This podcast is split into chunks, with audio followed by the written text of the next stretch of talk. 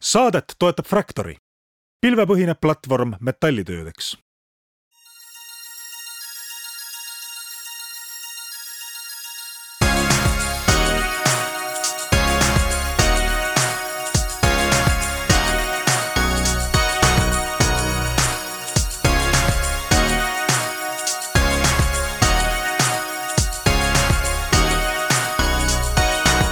tere kõigile Restardi kuulajatele, Taavi Kotka, Hendrik Roonemaa tervitavad teid ja millest muust ähm, eestlaste juhtimisel ja eestlaste osalemisel tehtav äh, idufirma saade peaks ikka rääkima, kui mitte metsast, sest mets on eestlaste lemmikteema. ja pahatihti meil on arvamus, et ainult meil maailmas ongi metsa, teistel ei ole mitte midagi, on ainult majad ja kõrb meil on täna külas äh, Kristjan Lepik, kes on äh, uue idufirma Arbonix kaasasutaja ning Arbonix teeb midagi metsaga ja midagi tehnoloogiaga ja laiemalt tegeleb sellega, millega ma olen arvanud, et eestlased saavad seal loodushoius hakkama, me ei pea välja töötama tuumajaama, aga kui me suudame puud ja koodi kuidagi kokku panna, siis see on midagi väga eestilikku.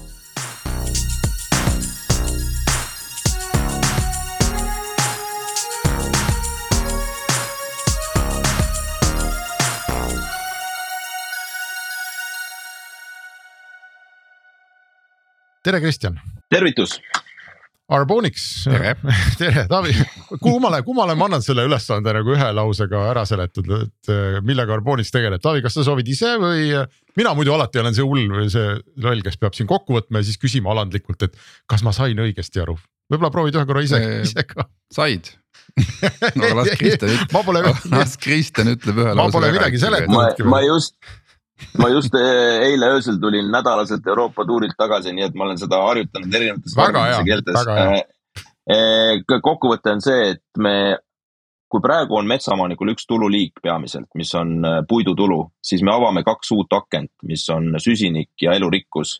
ja ma arvan, et need turud lähevad väga suureks ja loome võimaluse selle eest ka tulu saada ja need on tegelikult siis täiendavad metsaomanikule, et, et talt ei võeta midagi ära, vaid avatakse uusi aknaid aga see on ikka selline ära võta oma metsa maha tüüpi äh, idufirma? ei, üldse mitte tegelikult, ma arvan, me ei ole üldse nagu, puit on ju toorainena ka vajalik, aga ma arvan, et lihtsalt maailmas peakski rohkem metsasid olema, see on võib-olla see kokkuvõte. Ja, ja metsa siis ka istutamine näiteks, et see on väga selge lisaväärtusega tegevus. Kuule, ütleme ette ära, et me ikkagi valmistasime saate korralikult ette, mistõttu äh, selleks, et äh, asjast lõplikult aru saada. Eh, me võtsime ikkagi reaalse pakkumise Kristjani käest, on ju, ja mul oli ka esimene küsimus kohe see, et, et. et kuna nagu vana metsa peale uut ei saa ehitada või istutada, et kas siis vana mets ei lähegi arvesse, on ju krediidis. aga me läheme sinna, me jõuame sinna, me hakkame seda pak pakkumist vastu varsti lahkama, aga aga räägi sulle korra see taust ära, selle mõtte sünd ja, ja miks sa üldse sellega tegelema hakkasid, sest ma tean, et me olime sinuga eelmisel aastal äh, investorite kogunemisel laval ja siis sa juba rääkisid oma metsanduse värgist, et. Äh, et kaua sa settisid seda ideed ja, ja, ja kellega, ühesõnaga, kust idee tuli üldse? idee tuli metsast, tegelikult äh, algas sellest, et ma, ma tükk aega mõtlesin järgmist ehitatavat asja, et mida siis hakata ehitama ja vaatad järjest teemasid läbi ja on huvitav, aga mitte karjuvalt huvitav. Et ta on põnevaid asju, aga mitte midagi sellist, mis nagu vaimustuse lakke tõstaks. ja siis oli see üks konkreetne hetk, ma läksin äh, oma Hiiumaa maakodu juures metsa ja, ja jalutasin ranna suunas ja vaatasin, et seal oli talvega võetud päris suur hulk metsa siis riigi poolt majandatavas metsas toorelt maha ja see tundus nagu ebavajalik, see ei olnud just seda tüüpi mets, mida võib-olla peaks tingimata maha tõmbama. ja ma hakkasin nagu mõtlema, et kas saab teistmoodi, kas saab öö, teistmoodi metsa majandada. ja seda uurima hakates tegelikult mulle ilmnes, et peaks saama. ja päädiski sellega, et see läks nii huvitavaks, see uurimine juba, et öö, koos Liisett Luigega, kellega koos seda ka uurisime, veendusime mõlemad, et kõik muud asjad tuleb jätta ja seda tuleb ehitama hakata detsembris põhimõtteliselt see seeginemine toimus ja kuu aja pärast olid juba kõik asjad ümber tõstetud ja küte käis, nii et, et see on, see on väga kiiresti eskaleerunud ja praegu päris ägedasti ka tempoga valmis saanud esimene lahendus, nii et, et, et sellest saame ka täna rääkida. aga ma arvan, korra ühe asja veel ütlen. Hendriku kommentaar on, mida, milleni ma ise ka ja tegelikult jõudsin. et minu arust see on võib-olla see asi Euroopas, see peabki Eestist algama, sest meil on nagu, me oleme väga palju metsausku ja oleme ikkagi üks väga äge digirahvas ka. et ja, ja me kombineerime tegelikult mõlemat, et, et äh, metsa väärtustamist ja sinna otsa tehnoloogiline lahendus, mis seda ka aitab tõestada, nii et, et, et see on kahe asja kombinatsioon kusjuures äh, sinu co-founder'i kohta on öeldud, et ta et ta loeb meeletus koguses kirjandust, et ma just mõtlesingi, et kumbki teist ei ole ju metsamees, on ju, et äh, kuidas käib üldse sellise. üks ei ole uue, üldse mees Äh, no ma selline metsamees nagu pigem nagu üldtäht, üldistatult nagu, et metsanaine vist pole olemas sihukest sõnagi, et. see metsamoor on olemas, aga metsa... me läheme küll väga, väga, väga, vabandust. libe tee, ära sinna mine. no ühesõnaga, et põhimõtteliselt seesama, et kui sa hakkad õppima uut distsipliini üldse, et äh, räägi sellest teekonnast, et äh,. et üks asi on see küll, et noh, lahe idee ja teine asi on, et okei okay,, sa saad majanduspõhimõtetest aru, on ju, aga aga noh, ütleme nii, et ega see ikkagi päris ei käi niimoodi, et võtad nagu lauad ja lööd serviti on ju, et noh, et, et. et kuidas te targaks saite? meeletu lugemisega, see jah, Lisett on ka super lugeja, see tõstab ka head konkurentsi tiimis, et, et, et kõik peavad lugema, et. et me oleme töötanud võib-olla tõesti nagu isegi peaaegu sadu tuhandeid lehekülge materjali läbi aru saamaks, kuidas see saaks töötada. kuidas ka metsa puhul üldse, kas see süsiniku tõstmine metsa sees nagu pikaajaliselt töötab kuidas elurikkuse tõstmine võiks käia ja, ja minul endal oligi üks euro, heureka moment eelmise aasta, ma arvan, sügisel, kui selle suure lugemise peale äh, mul oli nagu täis veendumus, et see bioloogiline matemaatika töötab. et seda teistmoodi käitudes sa reaalselt saad süsinikku rohkem siduda ja sa saad ka puidu mõttes majanduslikult mõistlikult käituda. ja see hetk oli mul selge, et see igal juhul tuleb et sellest ei ole pääsu, et see tuleb, vaadates ka seda, kuidas Lääne-Euroopas eriti ettevõtted selle süsiniku jalajälje suhtes nii palju rohkem töötavad. ja siis, kas meie selle ära lahendame, lahendab keegi teine, aga see, et süsiniku elurikkuse turg on kümne aasta pärast võib-olla sada korda suurem kui täna, väga suur, väga paljude osapooltega turg. ma olen sellest täiesti veendunud. et, et see, noh, me võime arutada, kas, kas, kas, kas ja kuidas see vajalik on ja kuidas õige peaks olema. aga mulle tundub, et seda ei peata mitte miski okei okay,, aga lähme siis konkreetseks, et, et täpselt aru saada, mida see Kristjan nüüd siis teeb, on ju. nii ja selles mängus siis mina olen maaomanik. olgu siis kuulajatele öeldud, et tegime ikkagi päris maaga läbi, et ei ole sihuke hüpoteetiline case on ju. et saatsin Kristjanile oma ühe maatüki katastrinumbri ja küsisin pakkumist, et mida see siis tähendab, mul on seal peal juba metsa, mul on seal peal eh, noh, ütleme nii-öelda põllumaad, eks, et palju lagedat välja, on ju, et, et mis siis nii-öelda eh, noh ütleme niimoodi, ma ei ole metsamees, on ju, et nüüd, kui ma sinna puud istutaksin, et siis kui kasulik see värk kõik oleks nagu oleks. võta puhttehnilise infona, ma loodan, ma Taavi väga palju sinu isiklikke andmeid siin ei, ei avalikusta inimestele, aga maatükk asub Eestis ja on kakskümmend kolm hektarit. ja seal peal on natuke metsa ka juba, nii ja nüüd Kristjan, räägi mulle nüüd, kuidas nüüd käib siis siukse pakkumise tegemine ühele nagu maaomanikule, et, et a la, et ma olen täitsa nõus, et kuule, et. et selle maatüki võiks panna nagu äh, seda vahvat missiooni täitma, mida sa siin mõtlesid, on ju. et äh, panen puud peale ja mis siis kasu tuleb mulle sellest? ja, ja loogika on järgmine, et tegelikult ütleme, et me mõneti viime kokku metsaomaniku, maaomaniku ja vastaspoolt ettevõtte Lääne-Euroopas peamiselt, kes oma jalajälge katta tahab. väga palju sõltume nendest tingimustest, mida see jalajälje katja valmis on nagu, mille, mida ta tähendab, nõuab sellepärast me ei saa, selle peab tõestama ka pika aja jooksul ära, et see süsinik on seal seotud lisaks see puidu kasvamisele. ja, ja me oleme metoodikatega väga põhjalikult tutvunud, leidnud viisid, kuidas seda peaks tõestama, nii et meil on tõestamissüsteem seal ka taga ja sellest tegelikult kõik algab, et, et sa pead vastama kriteeriumitele, kuidas sa istutad, et sa kõik õigesti teeks, et sa selle süsiniku krediidi üldse saad äh, Lähme ühe sammu veel tahapoole selleks, et inimesed saaksid nagu majandusloogikast aru, on ju. kuskil on olemas ostja sellele kasvavale nii-öelda eh, kasvavast metsast eh, saadud süsinikkrediidile. kes see ostja on? just, ostja on eh, ettevõte, kes on otsustanud, et ma vähendan oma tegevusega oma kuluplaneedile ehk süsiniku jalajälge, aga ma ei suuda seda nulli viia. mõtleme näiteks kasvõi kohvik kuskil, ma ei tea, Tallinna, Tallinna kesklinnas. oletame, et paneb päiksepaneelid, vaatab oma veetarbimise üle vaatab kõik asjad üle, suudab keskkonnasõbralikuks muutuda, aga ta ei saa kunagi nulli minna. see on võimatu, on ju. me kliendina lähme sinna kohvikusse, mingi jalajälg sellel on. ja siis Lääne-Euroopas on väga jõuliselt kasvav trend, et ettevõtted siis jala, jalajälje katavad vabatahtlikult.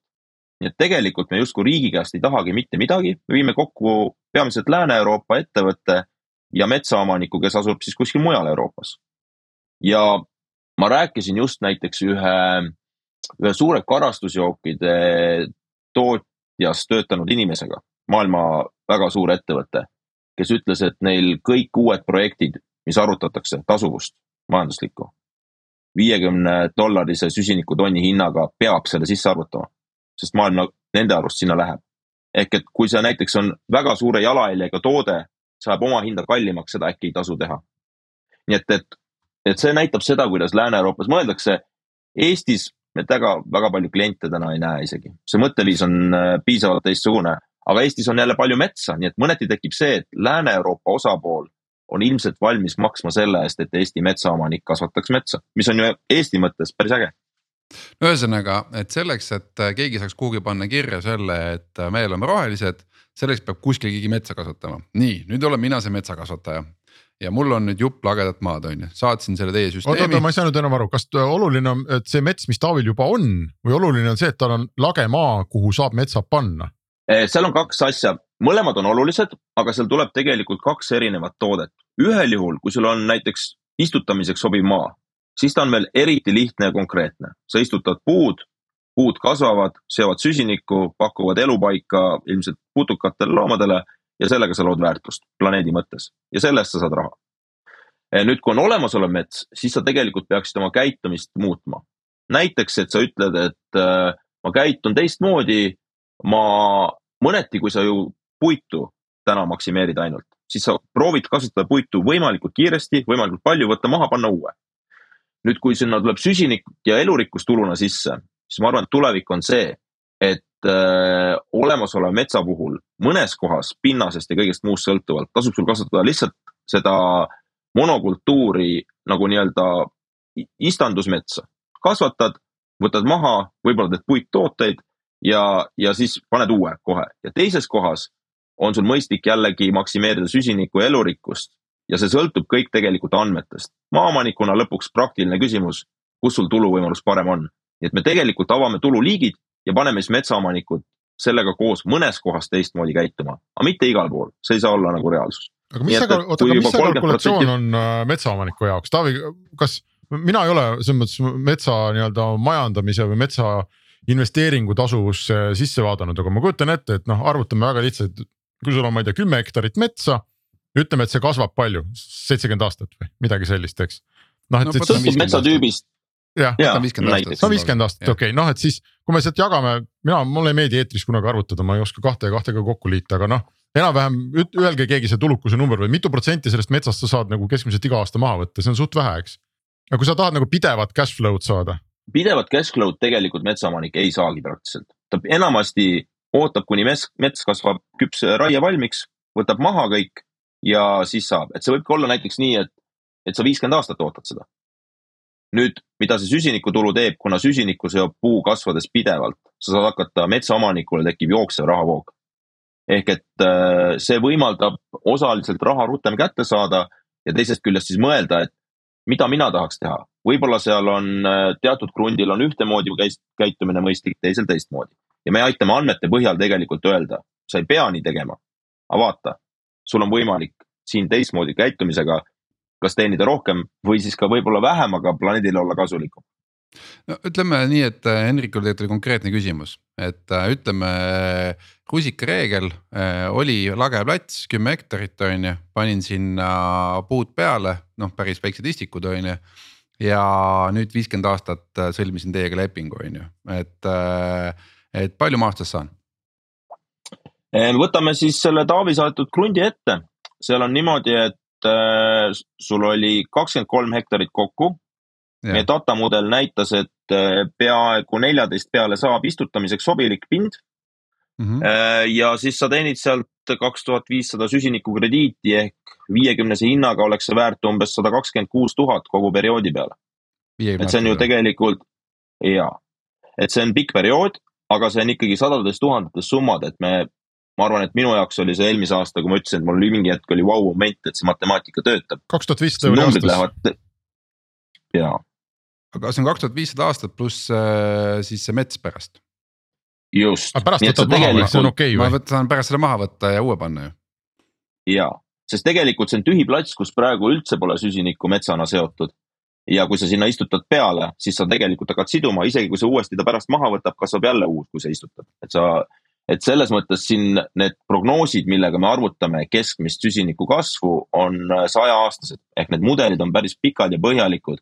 nii et, et meil on ikka päris äge metsandus ja süsiniku tiim, kes tegeleb päris jõhkrate andmemudelitega, et see kõik töötaks õigesti. oota, aga deal on siis see, et Taavil on ütleme kümme hektarit tühja platsi, ta paneb sinna metsa ja nüüd ta hakkab saama, kas ta saab lõpus selle raha või ta paar tonni aastas. aga kas ta saab lõpus selle korraga või saab iga kümne aasta tagant või saabki lihtsalt iga aasta.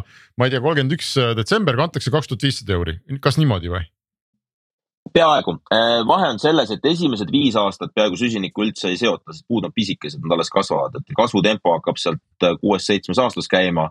ehk et siis sa pead ka tõestama reaalselt, et süsinik on seotud, need puud on alles. Seda me saame ka nagu digilahendustega teha ja, ja siis koos sellega sa hakkad siis saama, nii et sa päris kohe ei saa. Okay.. Äh, aga, aga siiski sa ei pea ootama viiskümmend aastat, et see on päris suur muutus. okei okay,, siis hakkad saama, aga ja siis, kui nüüd äh, saab see viiskümmend aastat läbi, siis ta võib minna noh kui riik lubab, kui riik lubab ja nii edasi, noh, et muud tingimused on täidetud, aga et teie poolest pärast viitekümmet aastat ta ei saa enam kaks tuhat viissada euri aastas, et siis, siis see on tema jaoks on null ja ta võib selle maha võtta, kas niimoodi?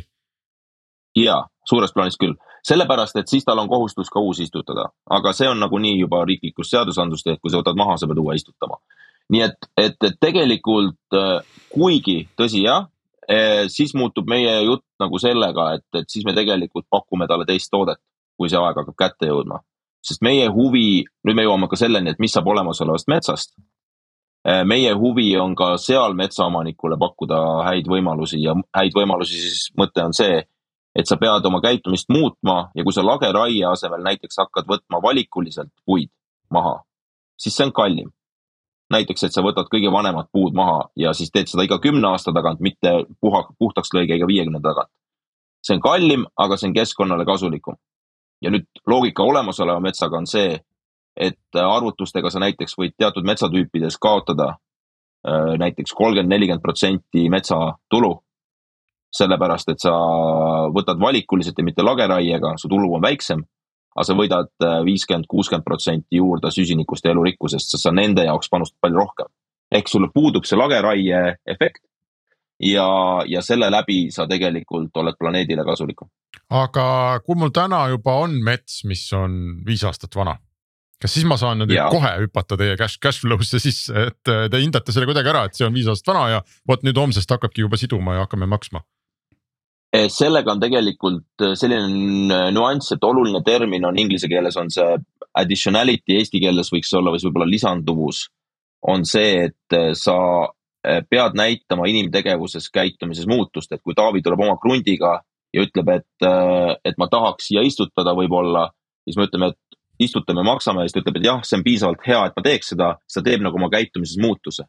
kui sa juba teinud selle ära oled, siis sa tegelikult sellega justkui nagu liituda loogika mõttes ei saa okay,. sest aga... sa, sa nagunii teeksid seda. aga nüüd on Taavil on probleem, Kristjan, Taavil on nagu see probleem, et äh, te olete oma firmaga alustanud nagu äsja, eks. ja nüüd tema peab äh, oma selle põlluga tegema panuse, et ta, ta paneb sinna kümme hektarit metsa ja ta hakkab raha saama viie-kuue aasta pärast ja teie kogu, kogu selle loogikaga peate selle alles olema, on ju, viie aasta pärast talle seda maksma. sest kui teid ei ole, siis ta ei saa minna ka mõne teie konkurendi juurde, sest tuleb äh, Kristjan Lepik kaks ja ütleb, et Taavi, et meil on siin additionality nagu. et äh, sa ikkagi pead noh kuhugi selle metsa istutama nagu, et tekib sihuke viieaastane hull riskiperiood nagu sisse et nii ja naa, sa saad selle projektiga liikuda tegelikult edasi, kui peaks tekkima selle projekti juhtijaga mingi probleem, et selles mõttes sa oled nagu selgelt teinud sammu, sa oled istutanud sellepärast, et osaleda süsinikuprojektis.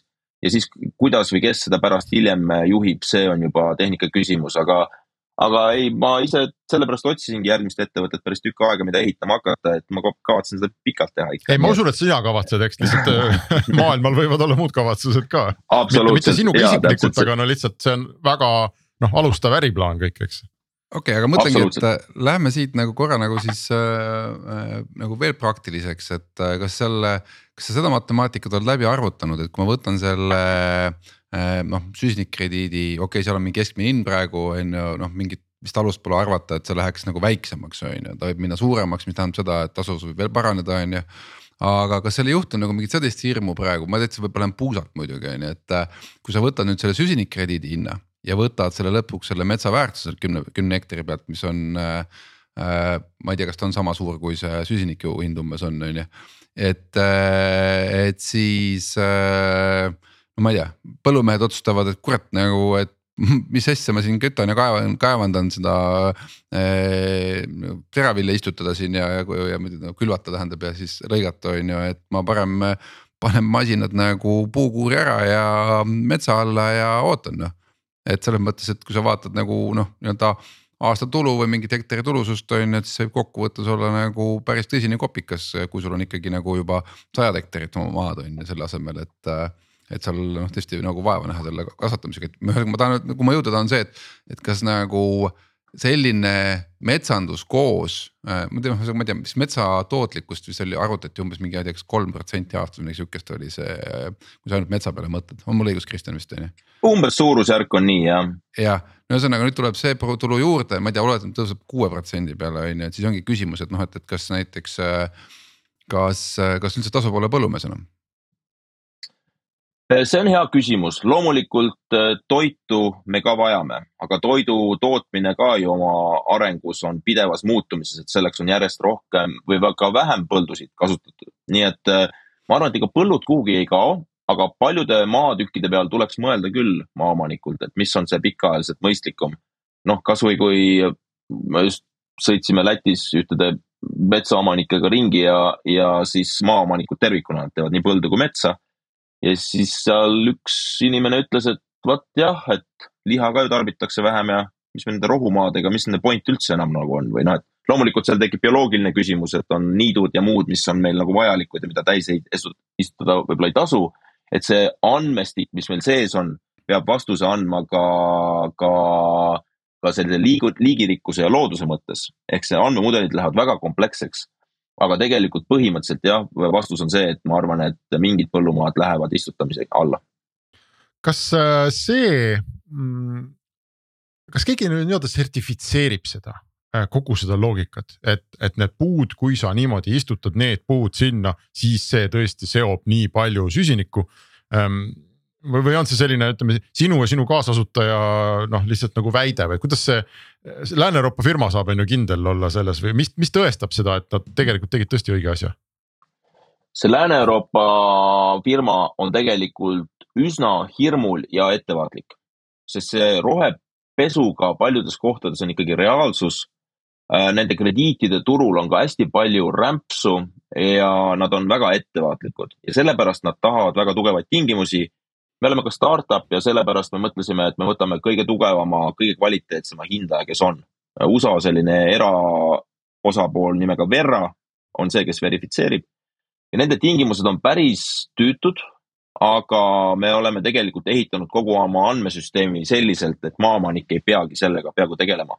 meil sellesse esimesse hinnangusse, mis tegelikult ühe minutiga meil süsteem valmis toodab, mille Taavi sai äh,, sinna on sisse kirjutatud ka Verra piirangud nii et tegelikult, kui Verra piirangute, piirangute tõttu sinu vabal maatükil istutada mingil põhjusel ei saa, siis see on kohe tuleb sul selles raportis välja.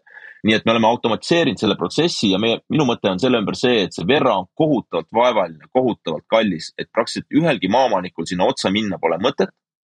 me oleme see vahekiht, kes kogu selle jama seal nagu kokku pakib ja maaomanikule teeb sisuliselt nagu ma ei tea, Apple'i toote, et ta vajutab nuppu ja tuleb ja ta ei pea tegelema kogu selle jamaga, et meil on meeskond, kes sellega tegeleb ja ma arvan, et nii saab selle tööle. aga muidu see Verra on ausalt öeldes päris tüütu osapool, ma loodan, et see kuskil inglisekeelse ruumi nüüd see lause ära ei tõlgita, aga seda nad on, et sellega tegelemine, vanakooli audiitorid aga mul, sorry, mul jäi enne nagu ikkagi segaseks, et äh, praegusel juhul me selle vana metsaga siis peaks nagu maha võtma, ära müüma, uue panema, et siis saab nagu kohe käima või? Eh, vana metsaga tegelikult, eh, kui sa päris maha võtad, siis sa seda hästi kasutada ei saa. see on üks tingimus, mida meie raport näitab ka, et kui sul on mets olemas, tõmbad maha, tahad uue istutada, sa oled tegelikult oma süsiniku balansi, balansi juba negatiivseks teinud. ehk et sa oled ju võtnud maha ja see nii-öelda see süsinik on sealt kadunud.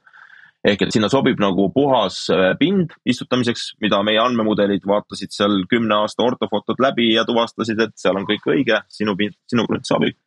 Äh, et, et tegelikult olemasoleva metsa puhul on ikkagi see, et seal peaks käitumist muutma, ehk seal peaks siis tegema seda raieprotsessi teistmoodi äh, ja siis sa saad süsinikutulus osaleda. Ja see on, see on palju keerulisem toode tegelikult, sest sa pead, noh, et kui on tühi pind, siis selle andmemudelisse sissetoomine on lihtsam.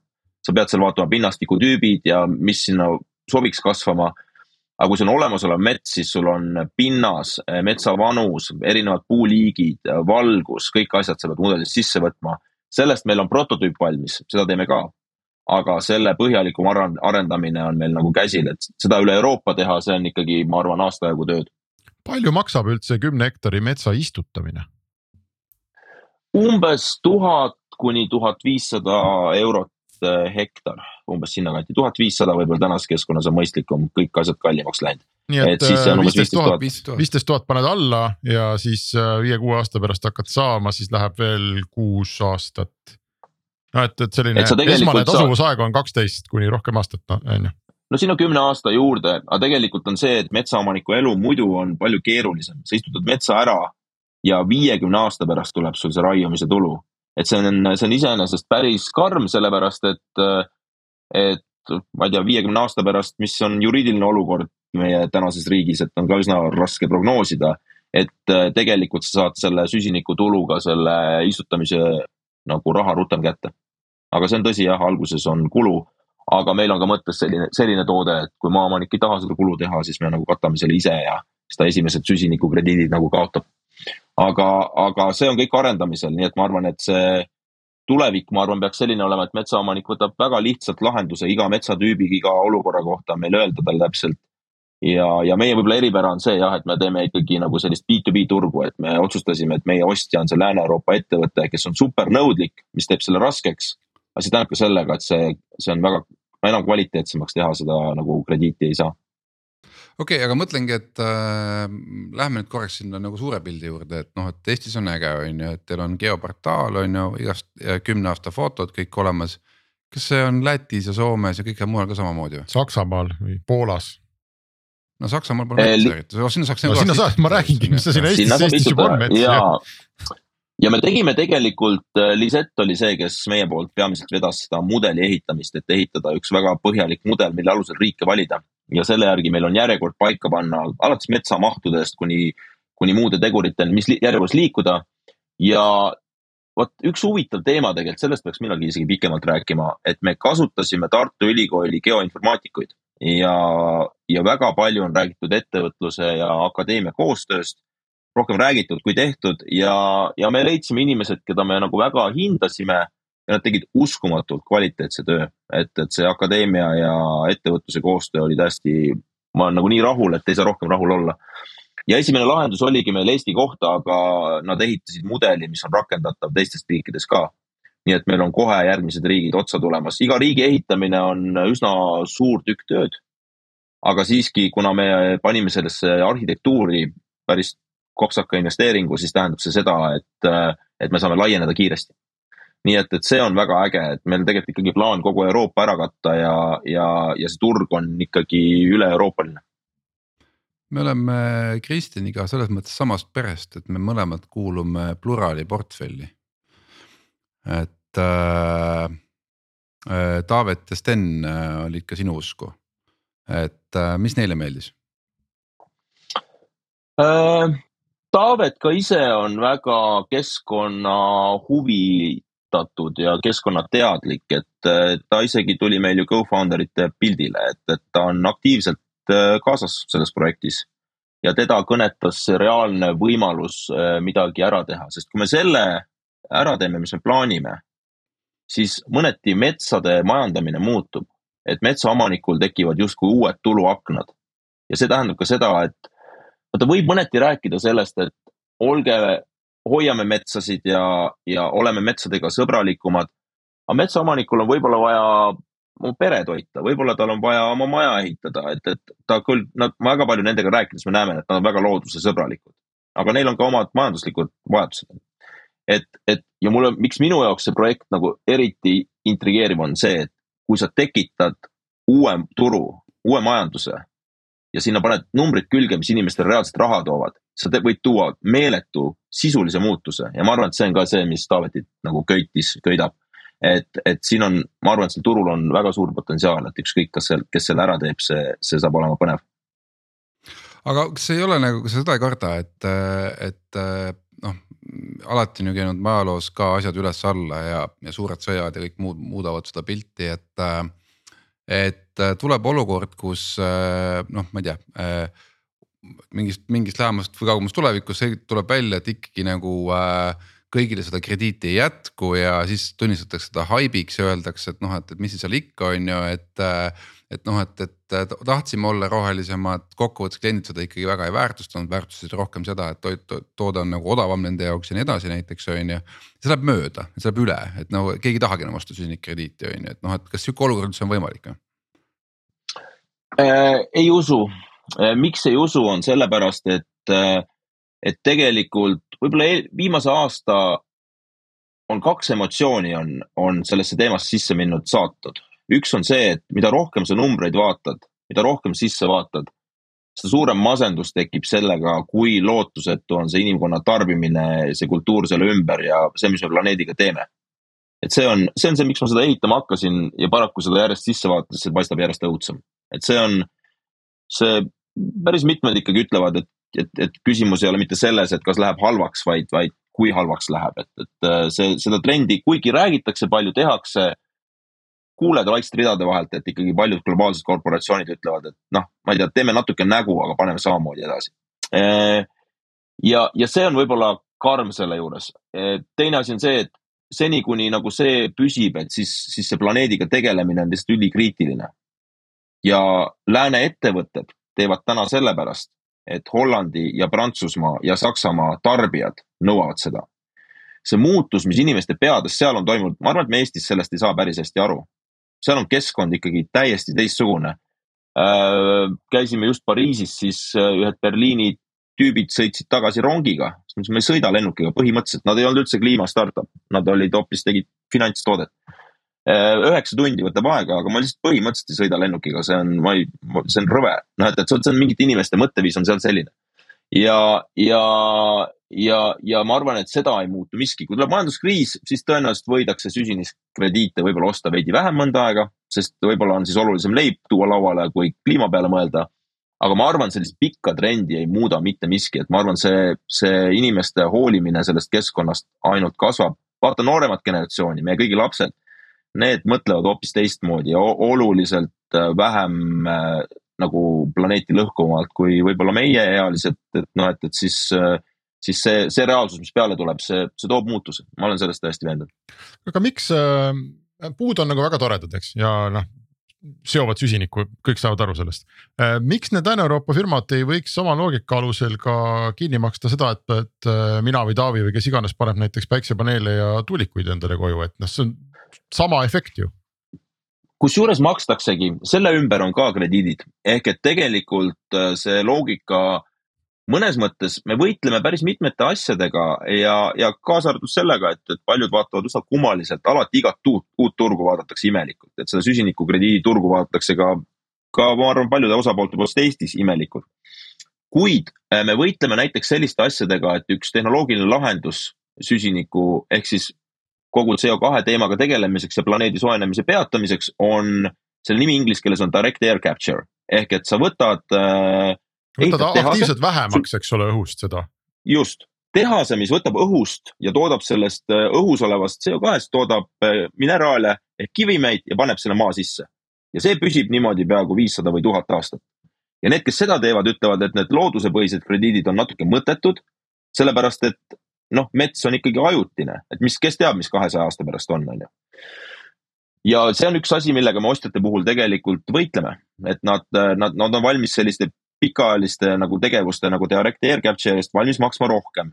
aga, aga tegelikult, kui sa mõtled korraks zoom'id välja ja üks asi on see, et, et eks ju, sa paned püsti tehase, et planeeti kaitsta, siis pane mingi kive maa alla, noh, et, et see on natuke nagu minu jaoks nagu natuke, seda peab ka tegema, aga loomuvastane selles osas, et tegelikult, kui meil on looduse poolt mõneti ma ütleks, et puud on ju looduse poolt leiutatud tehnoloogia, mis on olemas. ja me seda ei kasuta, siis see tundub jabur. mõlemat on vaja teha, aga see, et me nagu loodusepõhiseid ei kasutaks, tundub imelik, nii et ei, ma ei ütlegi, et ei kasutaks, lihtsalt ja, ja, ja ma nüüd, mind tahaks, mul lihtsalt tekkis nagu veel laiem nagu pilt, et noh, et sisuliselt ei ole vahet, mida see Taavi istutab, kas ta istutab päiksepaneele või istutab puid, eks, et noh, et süsiniku kokkuhoid on see igal juhul. Ja, ja USA-s näiteks ongi päikeseparkide ümber on süsiniku positiivse mõju pealt toodetud krediidid, täiesti teine ka järjekordne sama asi ja see ettevõte Lääne-Euroopas, kes on tegelikult istub täna nagu üsna suure valiku ees, mida osta. et meie ülesanne on see mets pakendada nii kvaliteetseks ja nii heaks, et ostab selle et noh, et, et siin on nagu palju, palju osa, asju, mis me peame õigesti tegema, et see töötaks. aga täna ei ole ühtegi asja, mis oleks nagu puudu või katki või mida ei saaks teha. nii et, et kõva töö ja andmeid tuleb palju, andmeteadlaste töö peab olema super, aga, aga kõik on, mulle tundub tehtav. räägime konkurentsist sa ei ole esimene carbon krediidi ettevõte nii-öelda on ju, okei okay, ma. mitte, mitte, mitte isegi Eestis. mitte isegi mitte mm. Eestis on ju, et äh, ja no muidugi noh, ütleme nii, et täitsa tore oli sihukest pakkumist saada, et ma ei tea, kui kaugel teised ettevõtted on, eks nad suudavad nagu niivõrd äh, hästi ja kiiresti reageerida, et ma mõtlengi, et on katastrinumber ja sul on nagu mõne hetkega on sul äh, täispilt nagu postkastis on ju, et äh, mille poolest sa erined a la SolidWorldist? Single Earthist äh,. SolidWorld oli, üks, neid on mitu ja, ja, ja. Äh, SolidWorld teeb krüptopõhist asja äh, näiteks, aga mul näiteks olnud selline asi, et paljude osapooltega ka Euroopast, kes, kes on nagu meiega ühendust võtnud äh,, hakkad rääkima, mis me teeme, siis ta ütleb, aa jaa, ma tean, üks ettevõte teeb täpselt sama asja. siis ma juba tean seda küsimust, ütlen, anna nimi, ta annab nime ja siis ma ütlen, et miks ta ei tee üldse sama asja nagu meie, sest see süsinikumaailm paistab kõik nii samasugune ja see ongi fine, sest see maailm on jube segane inimestele, kes ei ole selle sees, on ju ja SolidWorld tegelikult tegeleb, äh, tegeleb rohkem sellise treidimisega, mis on seal lõpus, kui krediit on valmis.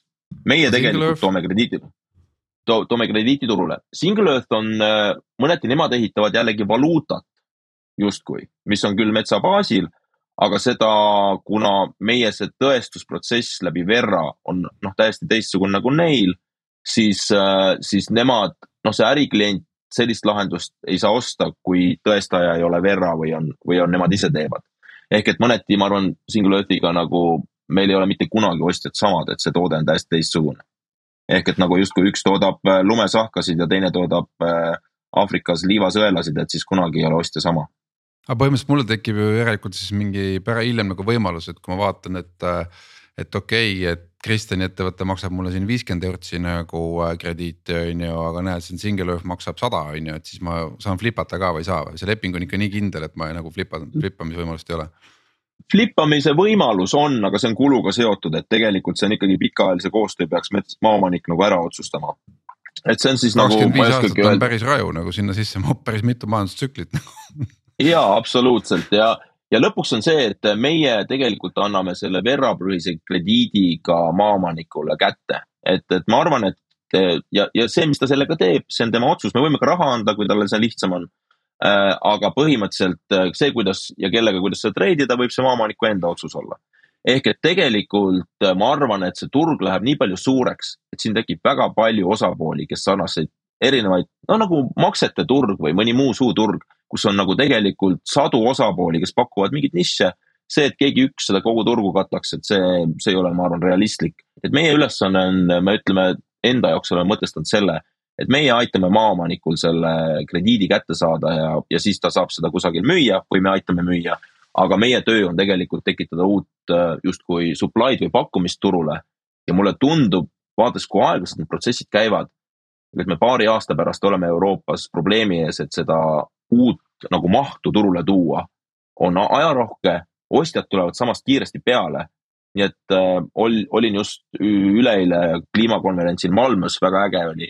et siis seal hästi palju praktilist juttu oli, aga praktiliselt kõik ütlesid, et teil turul tekib supply probleem, et äh, ei tule peale piisavalt projekte, pakkumisi mis tähendab seda, et tõenäoliselt nende krediitide hinnad lähevad oluliselt üles, lihtsalt puhas nõudluspakkumine, nii et see, see turg läheb väga põnevaks ja lihtsalt selle tõttu, et praegu see nõud-, ettevõtete soov neid osta on, kasvab väga kiires tempos.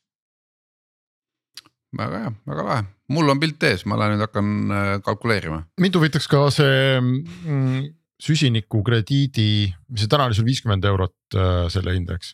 see oli hinnang, tegelikult täna ta on isegi kolmkümmend, aga ma arvan, et pika perioodi peale ta on kindlasti üle viiekümne. Taavi tootlus kohe vähenes praegu et ma mõtlen, et kust see number tuleb, et, et, et kas see on nagu hinnang või see on reaalselt sul ongi väljamüügi hind või nii-öelda ostuhind või kuidas see pikaajaliselt see number käituda võiks ja millest see sõltub? see on, täna ta on nagu justkui turuplats, äh, kus, kus justkui õiget turuplatsi ei olegi ja inimesed nagu müüvad siis porgandaid või kartuleid või kaalikaid, siis need kuskilt jookstakse mööda linna ja proovitakse kedagi leida, onju.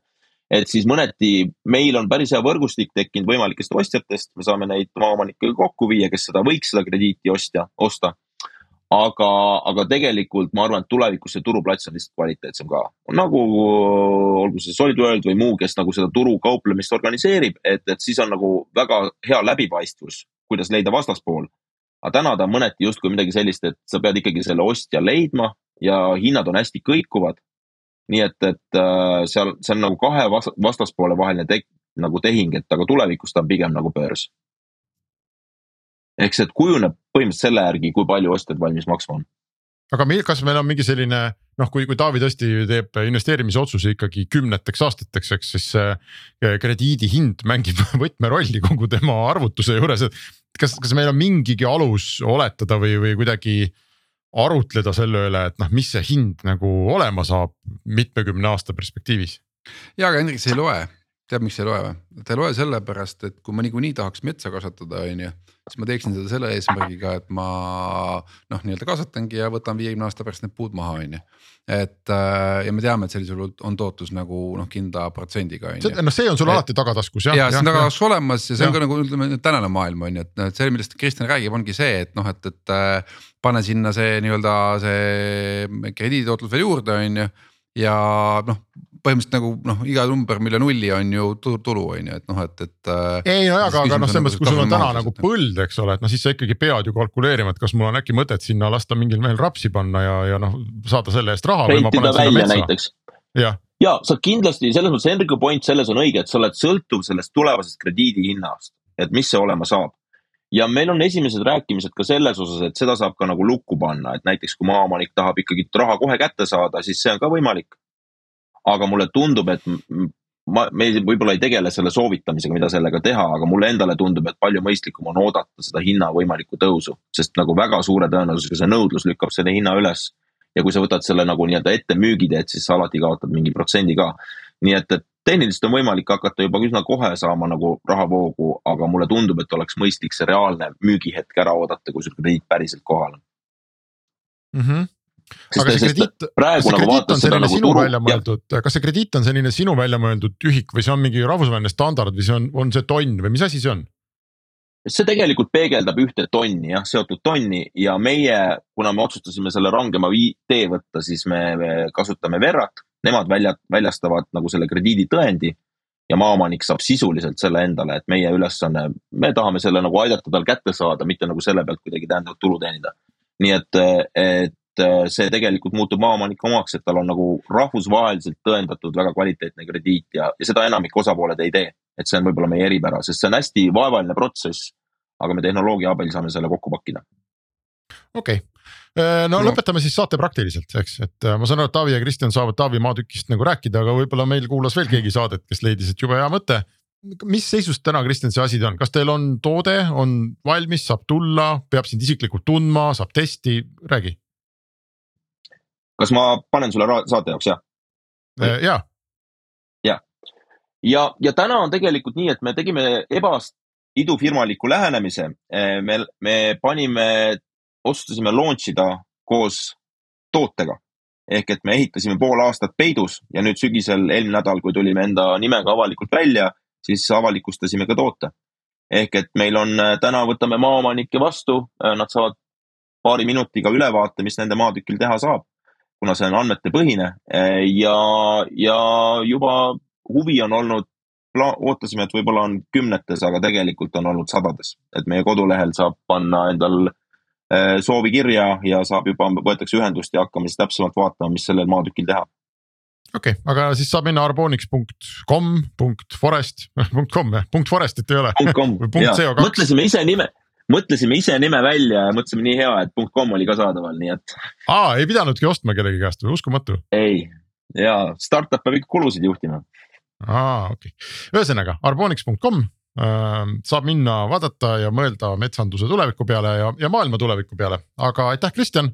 soovime teile palju edu ja mul on selline väga tugev tunne, et, et sellise looduse ja tarkvara ühendamise startup'e me hakkame siin saates päris palju kohtama järgmistel aastatel, et see tundub olevat täpselt see valdkond, kus noh, täna on enam-vähem ikkagi tühju sees, et, et noh, mine ja tee ja palju ideid saab turule tuua korraga.